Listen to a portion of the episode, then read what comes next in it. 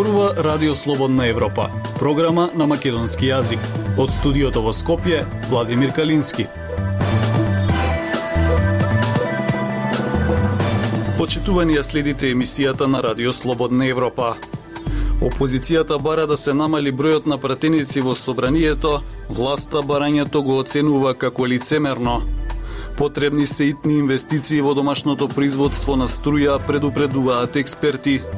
Власта подготвува измени на законот за урбанистичко планирање. Граѓански организации прашуваат дали се носи нов закон во корист на урбаната мафија. Слушајте не.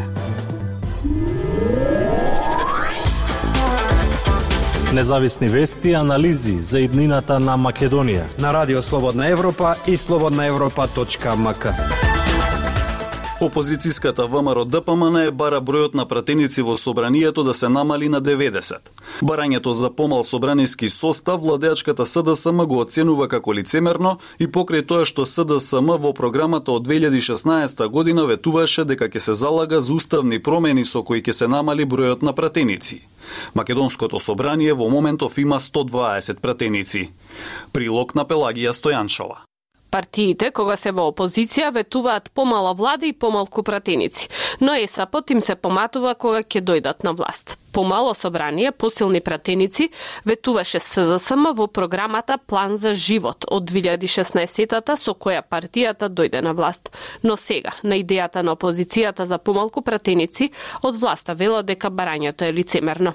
Македонското собрание има 120 пратеници со можност да има до 140, а ВМРО ДПМН е бара да се намалат на 90 пратеници. Собранието за време на владењето на ВМРО ДПМН е на чело со Никола Груевски едно време имаше и 123 пратеници. Оти три места беа резервирани за пратеници од диаспората. Поранешниот преседател на собранието Тито Петковски вели дека партиите на вакви идеи доаѓаат пред избори или кога државата се соочува со значајни економски, политички или здравствени проблеми. Тој вели дека кога се носел уставот, земјава презела многу одредби од повеќе годишните парламентарни демократи. Се гледал и примерот на Словенија, која има приближно жители како и Македонија и има 90 пратеници, но по многу дебати се дошло до заклучок парламентот да има 120 пратеници со можност до 140. Значи, тие аргументи кои што сега се снесуваат, тогаш имаат сосема друго значење. И самата ВМРО да помене тогаш инсистираше што повеќе луѓе да видат заради представништвото, моќта на представништвото во парламентот а не да бидат тоа ефикасен парламент. Вели Петковски. Во програмата на СДСМ од 2016-тата е наведено дека партијата ќе се залага за уставни промени со кои ќе се намали бројот на пратеници во собранието. Во истата програма пишува и дека бројот на министри во владата од постојните 26 ќе се намали на 20. Вакви ветувања пак нема во предизборната програма на СДСМ од 2020-та. СДСМ кога дојде на власт, формираше владин кабинет од 26 члена. По изборите во 2020-та владиниот кабинет остана покус за министрите без ресор и беше намален на 20 члена, но со новата владина реконструкција сега се 21 член. Идејата за помалку пратеници не е нова и ја отвара секоја партија кога е во опозиција, но кога ќе дојде на власт не ја исполнува, вели политичкиот аналитичар Джелјал Незири. Идејата е добра, зашто Република Северна Македонија има најмногу пратеници во тој сооднос со бројот на, на жителите, тој голем број на пратеници значи поголеми трошоци од буџетот на државата. Така што нема потреба земјата да има толка број на пратеници, од кои само неколку јавноста ги знае, доека другите само чекаат да заврши месецот и да добиваат плата и За да се намали бројот на пратеници, треба да се отвори уставот. Слободна Европа. Следете на на Facebook, Twitter и YouTube.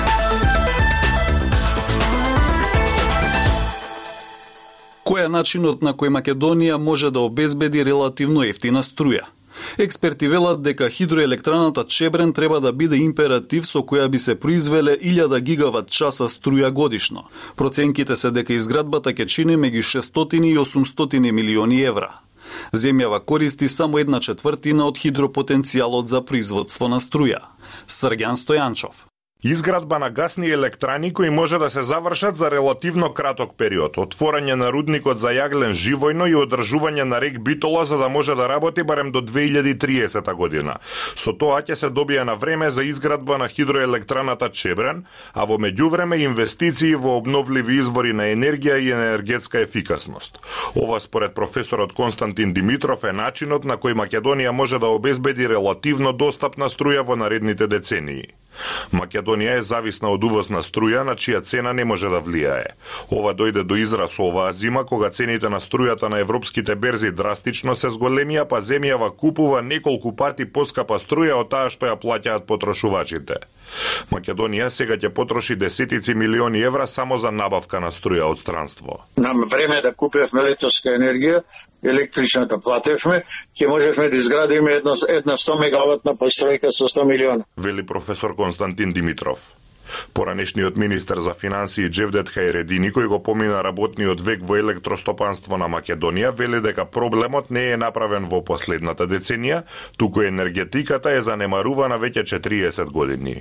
Значи, да не беше кризата и растот на цените на енергенските во на електричната енергија на меѓународни пазар, Македонија кога тога и, и, мораше да се соочи со последиците од ова, од ова занемарување на инвестициите во производство во производни капацитети. Домашното производство на струја за една деценија е намалено за една четвртина, а производството на струја во државните капацитети е речиси преполовено.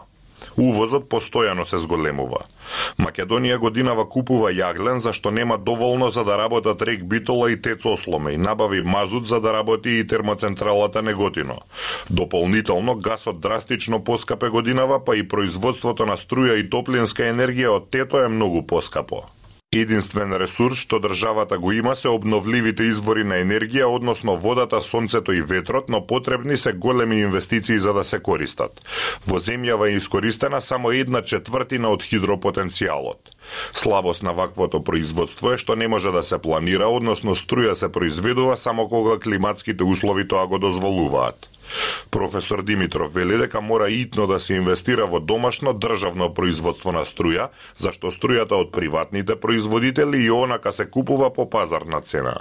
Димитров вели дека енергетиката бара големи инвестиции, но со тоа се купува мирот во наредните децении. Според него императив треба да биде изградбата на хидроелектраната Чебрен, која според најповолното сценарио треба да има моќност од над 450 мегавати и да произведува над 1000 гигават часа струја годишно, што е речиси колку сите други хидроцентрали заедно. Владата досега објави 12 тендери за Чебрен за странска фирма да ја гради електраната, а држава државата да биде делумен собственик, но немаше интерес. Инвестицијата се проценува меѓу 600 и 800 милиони евра. Радио Слободна Европа, светот на Македонија. Власта подготвува измени на законот за урбанистичко планирање, но 35 грегенски организации алармираат дека доколку бидат донесени вака предложените измени, урбаната мафија ќе добие поголема моќ. Според власта, законското решение треба да ја олесни постапката за донесување на урбанистичките планови, а селата во земјава да добијат услови за градење. Додека власта изготвува измени на законот за урбанистичко планирање и ги најавува како најтемелна реформа во урбанизмот и градежништвото во земјава, дел граѓански организации алармираат дека тие се вовед кон нанесување на дополнителни долгорочни штети врз природата и животната средина.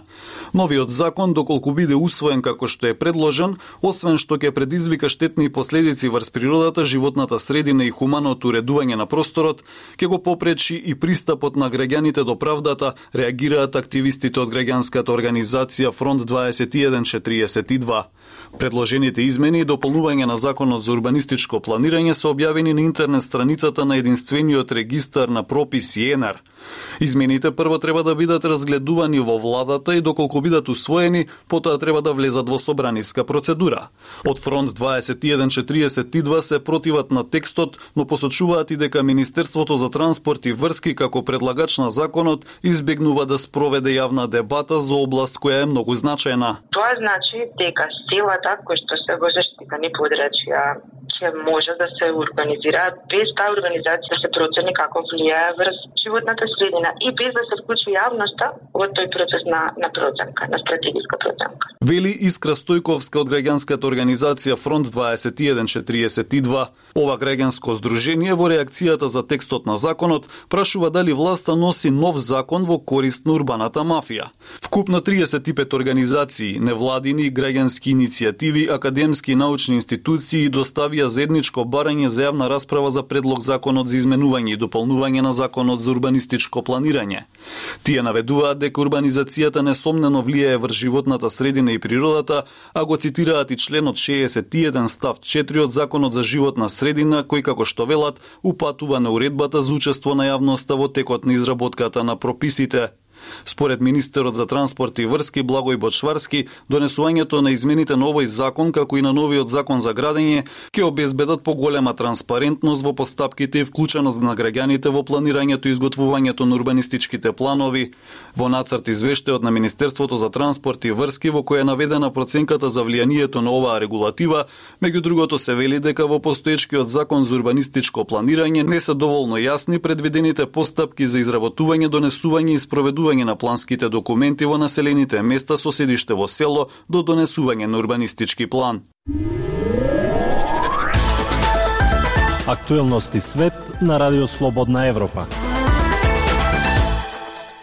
Од напредни противвоздушни системи до фрагментирани противпешадиски мини, украински онлайн истражители го документираат присуството на напредно руско оружје во зоната на конфликтот во источна Украина од 2014 година.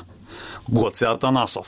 Во минатата недела група највисоки функционери на руската владеачка партија, вклучително и незиниот генерален секретар Андреј Турчак, заменик председател на горниот парламентарен дом, апелираа до Кремљ да обезбеди напредно оружје за сепаратистичките сили поддржани од Москва, кои водат војна против Киев во делови на источна Украина. Русија треба да им обезбеди потребна помош во форма на снабдување со одредени видови оружје, за да се зголеми нивната одбрамбена способност, рече Турчак, тврдејќи без докази дека Киев планирал офанзива во регионот, каде што во тековната војна од 2014 година загинаа повеќе од 13.000 луѓе.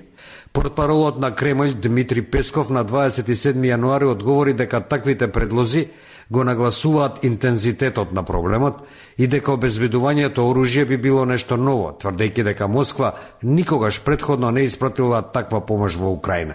Изјавата на Песков го одразува долгогодишното тврдење на Москва дека не е страна на конфликтот во регионот познат како Донбас.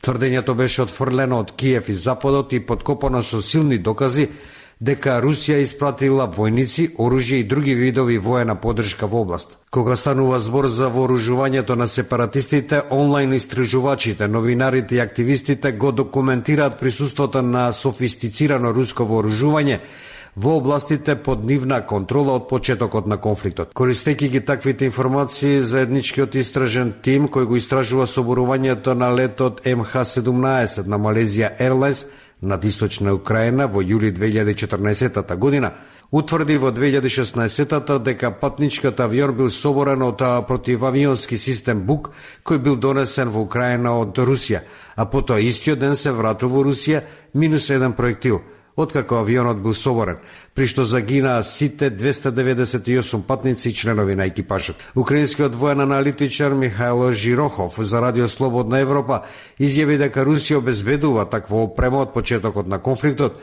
иако генерално испраќа постаро вооружување од советската ера, за кое борците би можеле веродостојно да кажат дека е заробено од украинската војска. Со модерна опрема, рече тој, ракува само руски воен персонал кој работи тајно во Украина. Тие руски групи се вооружени со современо оружје, но само рускиот воен персонал го добива. Нема ниту едно парче модерна опрема под контрола на сепаратистичките вооружени формации, вели Жирохов. Почитувани слушатели, тоа е се што ви подготвивме во оваа емисија. Од студиото во Скопје ве поздравуваат Владимир Калински и Дејан Балаловски.